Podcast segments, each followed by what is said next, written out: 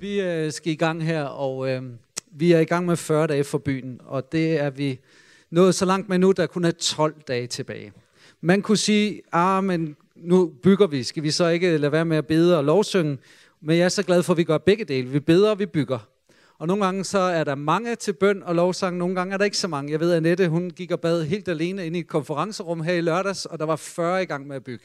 Så er der andre dage, hvor der er flere, der beder, end der bygger. Men vær med de sidste to uger. Det du kan, vær med, og så mærk efter, at Jesus gør noget, både når vi bygger og når vi beder. Amen.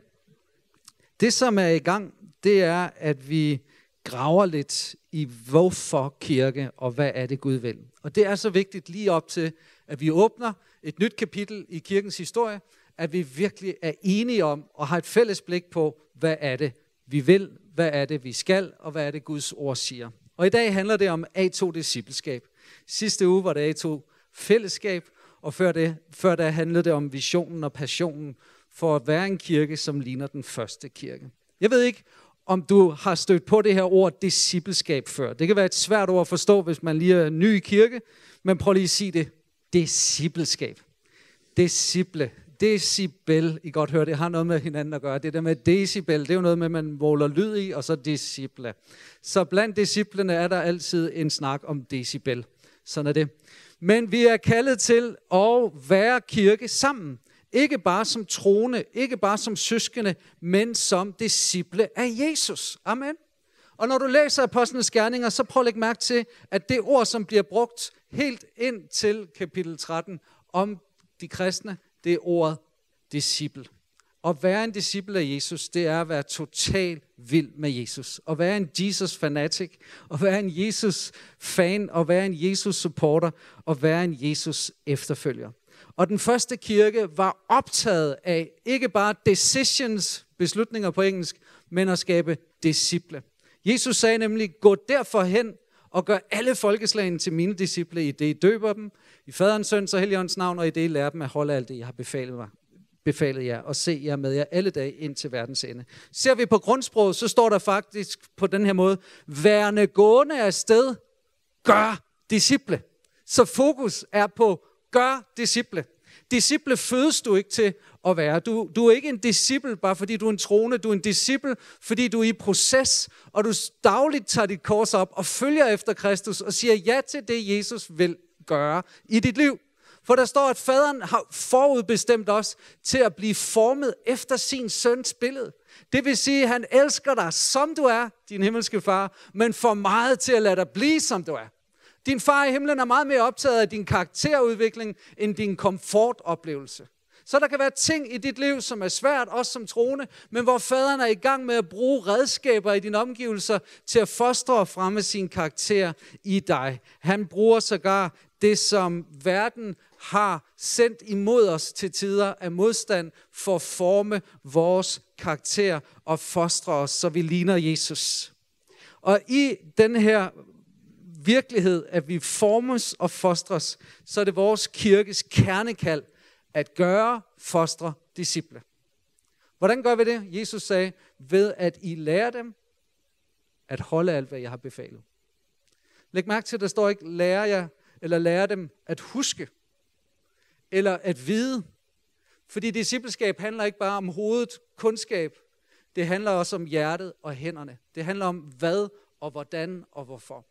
Jesus siger, at discipleskab handler om, at vi gør det, Jesus har sagt. Så vi ikke bare som øh, øh, en forsamling lytter til Guds ord, hvad Jesus har sagt, men vi gør det, han har sagt, og vi omsætter det til liv og til praksis. Skal lige se, kan I skifte noget? Der skete et eller andet her. Så lige tage den næste her. Bum, den frøs. Sådan. Prøv lige at slå op i Apostlenes Gerninger 2. Der står sådan her. De holdt fast ved apostlenes lære og fællesskabet og brødsbrydelsen og bønderne. Kan I sige amen til det? Læg mærke til, at der var tre kraftkilder til det første fællesskabs discipleskab. De holdt fast ved, hvad? Bibelen, brødsbrydelsen, bønderne. De tre B'er, der kom den. Akronymet. Bibelen, brødsbrydelsen, bønderne. Det er det fokus, det kristne fællesskab skal have. Det er på Bibelen, fordi du kan ikke udvikles til at ligne Jesus uden at være optaget af hans ord, hans befalinger, det han har sagt, finder du i bogen her. Og derfor elsker du ikke Jesus mere, end du elsker den her bog. Du følger ikke Jesus mere, end du følger den her bog. Derfor er vi først og fremmest en bibelelskende forsamling, fordi vi elsker Jesus. Elsker du den her bog?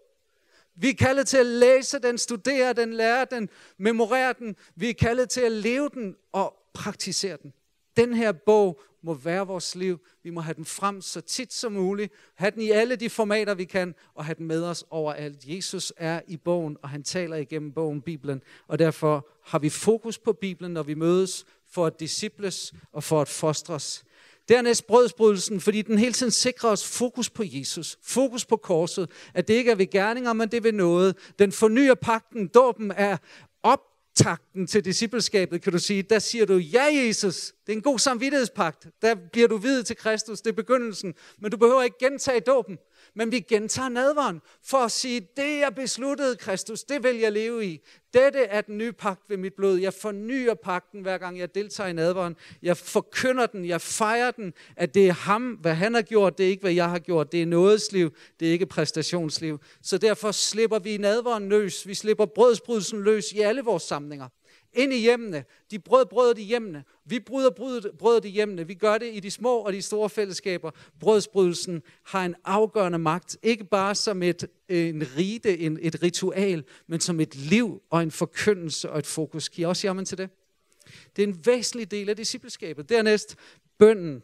Bønden, som er kraftkilden til al livsforvandling. Og være i Jesu nærvær. Bøn må fylde være kirkens åndedræt, hvis vi efterfølger Jesus. Og hver gang Bibelen taler om i Apostlenes Gerninger, at Guds ord gik frem, så prøv at lægge mærke til Apostlenes Gerninger, så står der, at disciplernes tal øges. Og prøv at lægge mærke til, hvor tit også der står, at når bønnen var fokus, så kom der et nyt skyld af disciple. Der er noget i bønnen, i brødsbrydelsen og i Bibelen, som vi bare ikke kan undvære. Det her ord for discipleskab, hvad de holdt fast i, det er det mest centrale ord for mig i forhold til kirkens liv. Både i de store og i de små fællesskaber. Jeg har faktisk de sidste 20 år startet en hel del forskellige mandegrupper op, både i København og her i Aalborg, og har brugt midt uge tid på bare at sidde sammen med mænd i små grupper for at blive fostret. Og hver gang jeg har indkaldt en ny gruppe, så har jeg startet med det her vers. Så har jeg sagt, det vi skal, kære mænd, det er ikke bare at sparke til dæk, det er ikke bare at snakke biler, det er ikke bare at snakke om ugen, der er gået, men vi skal have fokus på Bibelen og bønden og brødsbrydelsen. Vi skal have fokus på Jesus. Amen. Og jeg tror så meget på det her vers, at jeg gerne vil udfordre os i dag til at holde fast i det fokus for at være disciple sammen. Så står der i øh, vers 42-47, hvordan de udlevede det. Og der er bare lige en sætning, jeg vil tage frem i det. Der står, at de kom i enighed i templet og hjemme brød de brødet. Så der var altså to formater af fællesskab, som gav dem discipleskab. Og det, der er interessant i de to formater, det er, at fra kirkens begyndelse, så er det tydeligt, at når vi ser A2-kirkens måde at være sammen på, så var der to vinger på flyet. Der var gudstjenestevingen, og der var gruppevingen, der var templet, og der var hjemmene. Men hvis vi læser kirkehistorien, så startede det sådan. Men da kejser Konstantin lod sig omvende omkring år 314, og kirken ikke bare længere var den forfulgte kirke, eller den tålte kirke, men pludselig blev statskirken, så blev det en kirke, som mistede den ene vinge. Pludselig så blev det de professionelle præsterne. Man kom ind i særlige bygninger. Man kom op af katakomberne ind i katedralerne. Og pludselig mistede kirken sin ene vinge. Og det blev en gudstjenestekirke, en celebration kirke, hvor man kun kom sammen. Og det, som var tiltænkt til at skulle være alles, nemlig tjenesten, det hellige almindelige præsteskab, blev pludselig kun de få. Så når Martin Luther han går i spidsen for reformationen, så får vi en reformation af læreren, og en af Martin Luthers stærke teser, det var det hellige, almindelige præsteskab. Alle er præster. Og han arbejdede på at få Bibelen oversat, så det ikke kun var dem, der kunne latin, som kunne læse op af Bibelen. Nej, alle skulle have Bibelen. Problemet med reformationen, den første af slagsen, det var, at den reformerede kun læreren. Den reformerede ikke fællesskabet. Og jeg mener, at kirken stadigvæk har en anden reformation til gode. Og det er en reformation ikke bare af læreren, men af fællesskabet. Så vi ikke bare kommer sammen, som vi gør lige nu, som kan være fint og godt, men det er kun nakkefællesskab. og man reduceres til publikum. Du kan ikke leve dit åndelige liv og opleve discipleskab med en envinget kirke. Du bliver nødt til at have to vinger på din oplevelse af fællesskab for at få discipleskab. Og det ser ud som om også i Jesu liv, at jo mindre gruppen var, jo større var hans indflydelse på personerne. Han var helt tæt på Peter, Jakob og Johannes, og tre, fire, fem gange ser vi, hvordan han trak dem helt tæt på sig. En til en, en til tre er noget af det stærkeste discipleskabsfokus, du kan få. Hver mandag, så længe øh, jeg overhovedet kan huske det, øh, så forsøger jeg altid at se, er der en eller anden i mit netværk af mine helt nærmeste, jeg kan ringe op, bekende mine sønder for, og så snakke med om Bibelen, øh, læser jeg Bibelen, holder jeg fast i bønden, og hvordan går det med familien og de andre ting. Og ven, det er der, jeg for alvor påvirkes i mit liv. Hvor har du den ene? Hvor har du de tre? Hvor har du de 12, som Jesus havde? Jesus han betjente 100.000, da han gik hernede, men han disciplede kun 12. Han levede tæt på 12. Og det er den model, vi vil gerne ligne Jesus. Vil vi ikke det? Vi vil gerne være en Jesus kirke og lære af Jesu model. Og Jesu model var, at han rakte ud til alle, hundredvis, tusindvis, alle var velkomne. Men han gav sig hen til 12 personer. Hvem er de 12, du giver dig hen til? Lad os få den ene vinge tilbage. Det er så afgørende, det er så vigtigt. Hvorfor? Fordi det store fællesskab på rækken, det giver noget, tempeloplevelsen. Det giver den der følelse af, nu er vi kirke, og det hele handler ikke om mig. Der er noget, som rører hen over mit hoved. Fordi det er til børnene, eller det er til de unge. Der er noget, der kommer, så jeg kan lide det, men der er også noget, der kommer, så jeg ikke kan lide det. Der er noget, der kommer, som rækker ud til nogle andre, og jeg kan glæde mig over det, for jeg forstår, at Kristi kirke er langt større end min aldersgruppe, end mit efternavn, end min slægt, end min nationalitet. Fordi den kirke, vi skal være sammen med i himlen, kære ven, der er der folk fra alle stammer og tungemål, alle nationaliteter. Amen. Og det skal vi afspejle i dag, en mangfoldighed. Og det gør vi, når vi kommer sammen. Det her det er en forsmag på himlen. Du kender ikke alle, som står omkring dig i dag, men vi er her for at tilbede og ære Jesus sammen. På tværs af generationer, på tværs af nationaliteter, på tværs af type, øh, social lag. Vi kommer sammen for at tilbede Jesus. Der er noget fantastisk i tempeloplevelsen, celebration, festen. Det skal vi holde fast i. Vi må ikke forsømme forsamlingen og mødes, som de gjorde de første. Men søndag oplever vi Jesus højt hævet, i hans hellighed, i hans storhed. Men du kan godt gå hjem fra en gudstjeneste og føle, hvem så mig? Hvem hørte min bøn? Hvem, hvem lyttede til mit råb? Hvem hilste på mig i dag? Er det bare et nakkefællesskab? Er kirken bare overfladisk? Jeg kan ikke garantere dig her søndag, at du får tættere nære venner. Desværre. Du kan håbe ude i caféen, du kan håbe, du lige stod ind i nogen, men de fleste venskaber, som opstår i den her menighed, opstår i de små enheder, som vi kalder grupper. Hvor vi ikke sidder på rækker, men vi sidder i cirkel og hvor der er plads og tid til, at alle kan være på, og alle kan blive lyttet til. Det er den nære familie, der er samlet. Nu kommer Jesus tæt på. Han forstår mig. Han har tid til mig. Han lytter til mig. Jeg kan få lov at sige, hvordan jeg har det. Jeg kan få lov at blive bedt for at vende det fællesskab, selvom jeg er seniorpræst her i kirken og har meget at lave i løbet af nu, har mange møder. Jeg vil have tid til den lille gruppe. For jeg ved, at min kirkeoplevelse bliver overfladisk og envinget, og jeg misser discipleskabselementet, hvis ikke der er nogen, som taler ind i mit liv, og som er med til at fostre og forme mig i den lille gruppe. Så det ser ud som om, at kirken må blive mindre, for at den kan blive større. Den eneste grund til, at de kunne nå 3.000 på en dag, pinsedag, min påstand, der står ingen sted i Bibelen, hvordan de kunne gøre det, jeg tror ikke, de havde et opfølgningsprogram. Jeg tror bare, de blev inkluderet i hjemmene. Og de 120, der var forsamlet, jeg tror simpelthen, de blev gruppeledere på en dag alle sammen. Og så blev der ret store grupper, og de måtte fostre nye gruppeledere med i en fart. Og så kunne de følge op på de her 3.000, så de senere, også i apostlenes gerninger, kunne blive rigtig mange flere. Jeg vil våge en påstand. Vi kan ikke udleve nytestamentlig kristendom og discipleskab i fællesskab, hvis ikke vi har den lille vinge gruppe med. Jeg tror ikke, vi når de åndelige højder og bliver den kirke, som vi skal være. Prøv bare at se på de her hinandenbefalinger, som vi finder alle steder i Nyt Testamente, at vi skal elske hinanden, vi skal tilgive hinanden, vi skal trøste hinanden, vi skal være gæstfri over for hinanden, vi skal give agt på hinanden, vi skal så mange ting med hinanden. Og kære ven, det kan vi ikke i den her fællesskabsformat, som vi sidder i nu. Vi kan hilse på hinanden på 60 sekunder, så kan vi sige tak og farvel.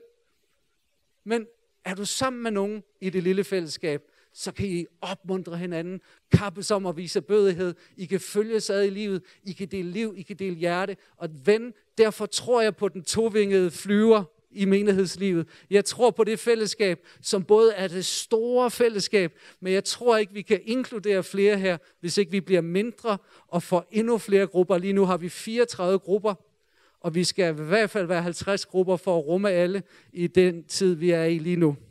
Jeg har bedt vores netværkspræst, Denny Tony Sørensen, som har stået i spidsen for vores grupper og netværk de sidste fem års tid, og som leder netværksteamet her i kirken, der koordinerer alle vores grupper om at komme op og fortælle om vores kirkes DNA i grupperne.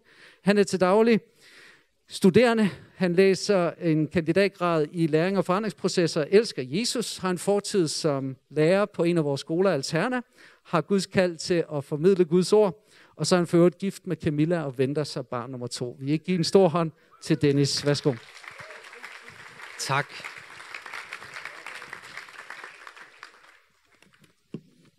Jeg er bare så enig i alt det, som Dan har fortalt. Og øh, tusind tak for det. Vi tror på grupper som nøgler til discipleskab i menigheden. Vi tror på, at de er nøgler til et sundt menighedsliv, og de er nøgler til et rigtig godt fællesskab. Og øh, vores grupper, det er sådan, at vi mødes jo hjemme cirka 6-12 personer. Og øh, vi har både kvindegrupper, vi har mandegrupper, vi har også nogle grupper, hvor det er par. Så har vi grupper for Ung Kirke, som er 18-25. I Connect har vi grupper 25-40. Vi har capacity-grupper 40-60 og classic-grupper. Så de er en lille smule inddelt på forskellige måder, men det som er øh, ens i grupperne, det er, at der er rigtig meget fokus på discipleskab. Og vi ved jo, som Dan også har fortalt, at discipleskab, det er din vandring med Jesus. Vi tror på, at når vi er blevet frelste, når vi har mødt Jesus, så er det gamle menneske, det er forbi, og vi er en ny skabning. Det siger Bibelen. Amen. Men problemet er, at selvom vi har mødt Jesus, så er vi ikke færdige med vores vandring. En disciple, det er en lærling. Og vi vil altid blive ved med at være lærlinge i vores liv. Altid. Vi stopper aldrig. Heller ikke selvom du har været kristen i 50 år. Du vil blive ved med at være en lærling. Og øh, en lærling, eller en praktikant, eller en ny på en arbejdsplads, den ved vi godt, hvordan de bliver behandlet, ikke også?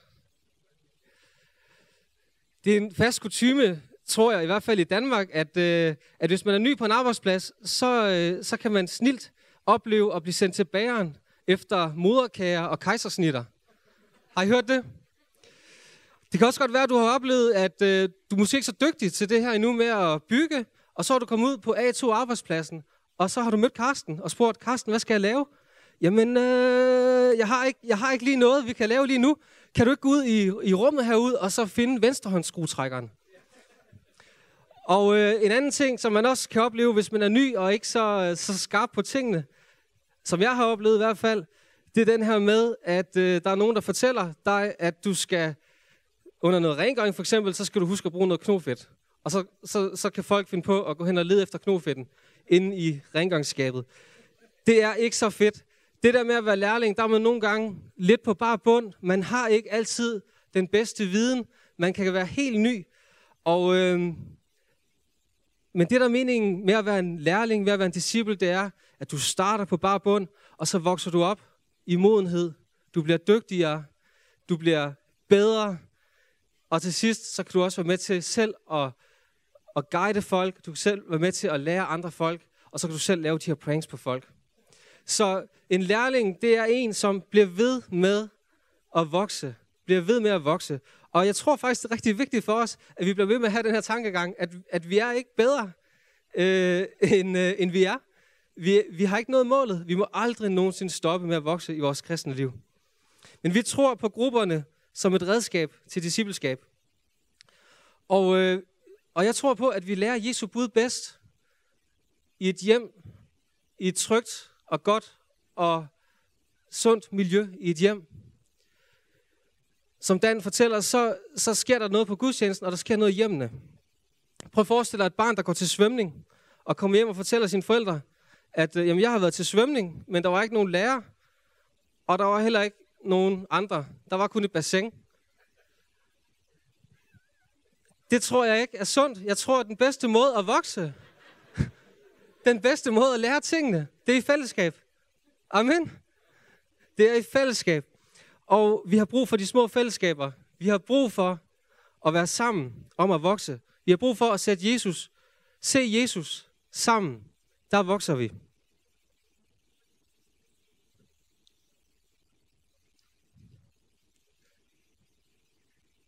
Vil du sætte det næste på? Vi har i grupperne i kirken nogle forskellige værdier. Og, øh, og det er noget af det, som foregår og sker i grupperne, det er, at vi ønsker at have et fællesskab, hvor at du oplever dig fagnet i et kristen fællesskab. Et sundt fællesskab.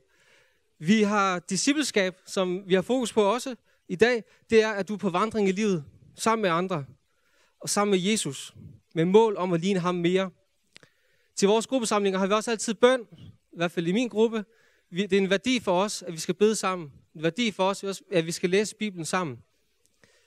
Vi har også fokus på mission. Hver eneste gang vi mødes i vores gruppe, så stiller vi hinanden spørgsmål, når vi går to og to. Hvem har du fortalt om Jesus på det sidste? For at fokusere på, at vi, vi skal være inkluderende, vi skal invitere mennesker. Vi har lyst til at være missionale. Og det sidste, det er menighed, det er, at gruppen er en del af Aalborg Citykirke. Vi skældner ikke mellem menighed og gruppe. Det er det samme. Der foregår kirke i hjemmene, og der foregår hjem i kirken. Det er det samme i menigheden. Så der er tre små overskrifter, jeg godt kunne tænke mig bare lige at, at, at, at snakke om. Det første, hvis du skifter, det er, øh, at gruppen er nøglen til et åbent fællesskab. Har du nogensinde prøvet at bestille noget mad, og så har du fået det forkerte? Hvor mange af jer er den type, som vil brokke sig? Et par stykker. Hvor mange af jer er typen, som bare bider det i sig og bliver sådan lidt skummel indeni? Ja. Der er også et par stykker. Jeg tror nok, jeg er den, der kommer til at bide det i mig. Desværre. Men McDonald's, prøv at forestille dig, McDonald's, det er en kæmpe stor organisation, hvor at der er øh, slagter, der er bager, der er et hovedkontor, der er mennesker, der står bag ved disken, der er mennesker, der gør rent i restauranterne. Der er rigtig mange, der arbejder i det her store system, som hedder McDonald's. Og øh, hele systemet, det er designet til, at personen bag ved disken skal opnå succes. Det er det kritiske punkt hos McDonald's, det er, at personen bag ved disken får succes. Fordi hvis ikke han har succes, så får kunden en dårlig oplevelse, og så lykkes det ikke. Hvis manden bag disken ikke kan levere maden inden for kort, en kort periode, og det skal helst være den rigtige mad, og den skal også helst være varm, så er det, så er det en fejl, og så kommer kunden ikke tilbage. Det er et rigtig kritisk punkt. Og jeg vores menighed, at vi har nogle kritiske punkter. Ikke fordi vi skal sammenligne kirke med en stor organisation, og, øh, som tjener penge på den måde. Men, men vi har et kritisk punkt, og det er, når nye mennesker kommer, kan vi så inkludere dem i, i vores fællesskab? Kan vi inkludere dem i vores fællesskab? Og der ser vi grupperne som stedet, hvor du kan komme ind i fællesskabet, hvor du kan finde venner, hvor du kan kende nogle mennesker, hvor at det ikke kun er deres navn, du kender, men du ved, hvem de er, du ved, hvem deres familie er, du ved, hvad de går og kæmper med, du ved, hvad de har brug for. Og, og grupperne, det er stedet, hvor at vi kan give hinanden omsorg ved sygdom og ved kriser.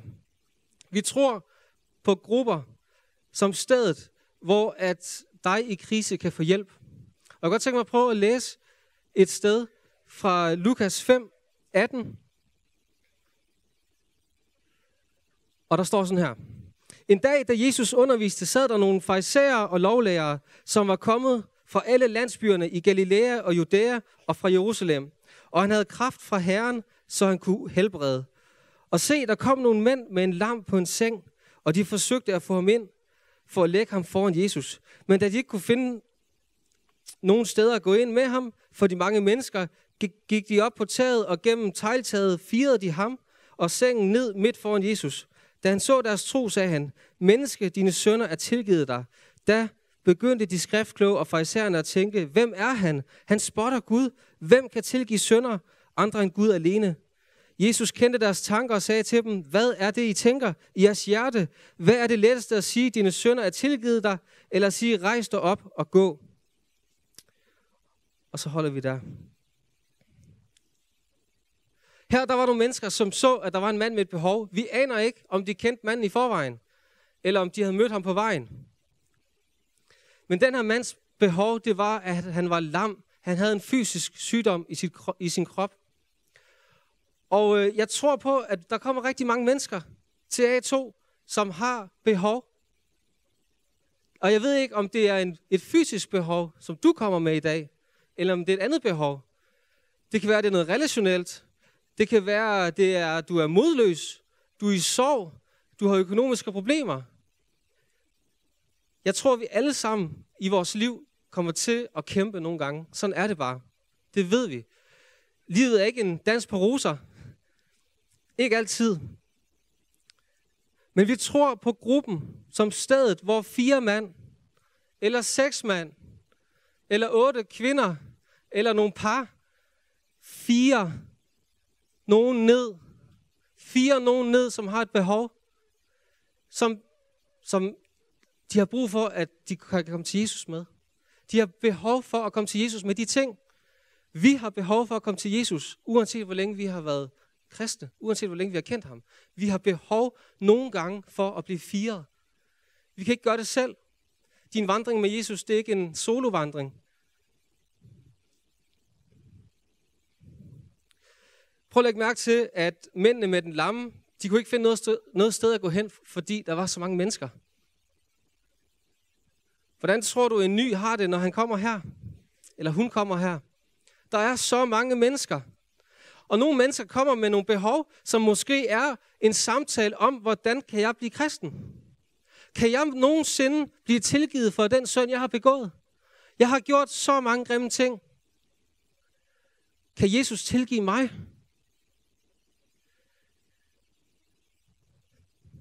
Og der tror vi på grupperne, at der kan du få lov til at stille de her spørgsmål. Der kan du få lov til at møde nogle kristne. Der kan du få lov til at møde nogle venner, som kan være med til at bede for dig, snakke med dig, vandre med dig i livet.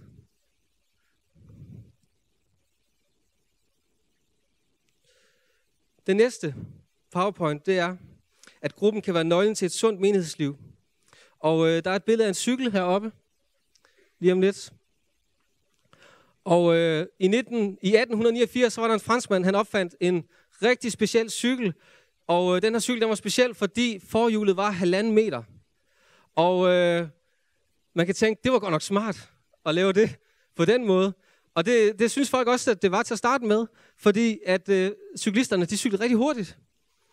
Problemet var selvfølgelig, at når man så skulle stå op, stil, eller når man skulle stige op på cyklen, så væltede man. Det er ikke så smart. Og samtidig, hvis man så cykler op ad bakke, så vælter man forover. Så derfor så begyndte den her cykel at blive kaldt for en væltepeter i folkemunde. Vi bruger cyklen som billedet også på vores menighed. Fordi vi ser gudstjenesterne og grupperne som de her to hjul, hvor at hvis det ene fylder det hele i dit liv, så bliver det en væltepeter situation, du har i dit liv. Fordi du har brug for begge dele. Du har brug for begge dele. Du har, vi har brug for balance, og derfor har vi mere behov for cyklen ud til venstre. Fordi der er balance mellem det intime, lille, hjemlige fællesskab, som du kan få i grupperne, og så det store fællesskab, som er rigtig godt og fagnende og stort, og vi fester, og vi tilbeder Jesus sammen. Så der skal være balance i det. Pointen den er, at vi kan ikke begrænse menighedens liv til en gudstjeneste, fordi vi er menighed sammen. Og du har en gave. Du er måske en hånd på Jesu menighed. Jesus han er hovedet. Der er en anden en, der er en fod på Jesu menighed. Og så forestil dig, at, at du lige pludselig øh, inviterer en hjem. En familie, som lige er kommet til landet. Det, og lad os sige, det er, at du bruger din gave, som er, er at være hånd. Hvis du inviterer en ny familie med hjem, så er det en gave, at du er hånd. Nu håber jeg, I kan følge mig. Det jeg prøver at sige, det er, at vi har så mange forskellige gaver, og de kan ikke blive udlevet under gudstjenesten. Du kan ikke invitere en familie hjem, og så spise sammen med dem derhjemme søndag formiddag. Kan I følge mig? Lidt et, øh, et mærkeligt billede her. Men Men vi tror på, at gruppe og menighedsliv, sundt menighedsliv, det udfolder sig alle ugens dage. Det udfolder sig hele tiden, og ikke kun til gudstjenesten. Derfor skal der være balance. Det sidste, og den sidste slide, det er, at gruppen er en nøgle til discipleskab. Og vi ved, at discipleskab, det handler om vores vandring med Jesus, hvor vi lærer af ham, vi vokser, vi bliver modne, og til sidst, så kan vi også være med til at lære andre mennesker om ham. Vi bliver aldrig nogensinde færdige med at lære Jesus. Og der er en vigtig pointe, som jeg godt kunne tænke mig bare lige at tage op, som vi må forstå med discipleskab. Og det er, at discipleskab handler først og fremmest om Guds nåde og Helligåndens forvandling. Guds nåde og Helligåndens forvandling. Fordi der er nemlig en tendens i samfundet, og jeg siger ikke, at det er forkert, men der er en tendens til, at alt handler om os selv. Hvor er jeg om fem år? Hvor, hvor er du hen om fem år? Hvad er din karriereplan? Hvordan vil du udvikle dig? Hvis vi stiller spørgsmålet, hvor er du om fem år? Så vil de fleste af os svare, at vi er bedre versioner af os selv. Vi er mere sunde, end vi er nu. Vi har et bedre job, end vi har nu. Det hele det handler måske en lille smule i samfundet i dag om, og jeg siger ikke, at det er negativt, men det handler om, at vores CV skal være så perfekte. Vi, der er så utrolig stor fokus på, hvordan vi udvikler os. Du skal blive dygtigere, du skal blive klogere. Det er næsten som om, at når man er 25 år, så skal man have en 7 år lang uddannelse. 20 års erhvervserfaring. Du skal være gift helst. Hvis du er i en kirke, så skal du helst øh, være i tjeneste, og du skal helst have lederansvar, og, og du skal helst spise rigtig sund morgenmad med chia-grød, og du skal have en Instagram-profil, som viser, hvor sund du er. Kan I følge den her tendens, jeg prøver at male op en lille smule øh, karikeret? Og samtidig så har vi Jesu bud. Jesus han siger, så vær da fuldkommende, ligesom min far i himlen er fuldkommen. Jesus siger, at vi skal være perfekte. Er det så det samme, vi skal gøre i kirken, som vi gør i samfundet? Paulus han, han formaner Timotius om, at han skal øve sig i Guds frygt. Det betyder, at Timotius han skal øve sig på at være en god kristen, for at sige det på den måde. Han skal øve sin integritet, sin renhed, sit ægteskab, sine venskaber, alle de her forskellige ting, hvor vi, hvor vi bare kommer til kort. Det skal han øve. Er det så det samme? Er det den form for discipleskab, vi tror på? Og der synes jeg bare til sidst her, at det aller, aller vigtigste, det er, at vi bliver nødt til at huske på, at det er Guds nåde og Helligåndens forvandling, der er vigtig. Forudsætningen for dit discipleskab, det er, at han har forvandlet os og kaldet os til nye liv. Er nogen i Kristus, så er han en ny skabning. Det gamle er forbi, og noget nyt er blevet til. Og der står i 2. Korinther 3:18, og alle vi, som med utilsløret ansigt i et spejl skuer Herrens herlighed, forvandles efter det billede, vi skuer, fra herlighed til herlighed, sådan som det sker ved den Herre, som ånden er. Det betyder, at når vi kigger på Jesus, så er det som at kigge i et spejl, og vi ser Jesu herlighed, når vi kigger på ham. Og så vil Helligånden forvandle os. Så discipleskab er ikke, at du skal fokusere på dig selv, som vi gør i samfundet. Discipleskab, det er, at du fokuserer på Jesus sammen med andre. Vi skal kigge på Jesus, og så vil vi blive forvandlet af Helligånden. Kig på Jesus. Det er så vigtigt. Og hvordan gør vi det praktisk? I grupperne, tror jeg, vi, der, der handler det for os, i min gruppe også, om, at vi har fokus på Guds ord. Vi læser altid Guds ord sammen. Fordi mange af os, vi, vi fejler bare til det. Vi glemmer det, selvom det er så vigtigt. Vi beder sammen. Vi deler liv. Vi stiller hinanden de svære spørgsmål. Hvordan går det med det og det og det? Hvordan går det med det, du fortalte mig sidste gang, vi sad to og to? Og så prøver vi at holde hinanden ansvarlige for vores liv. Vi deler liv med hinanden. Vi er i det hjemlige, trygge miljø, hvor vi kan vokse sammen.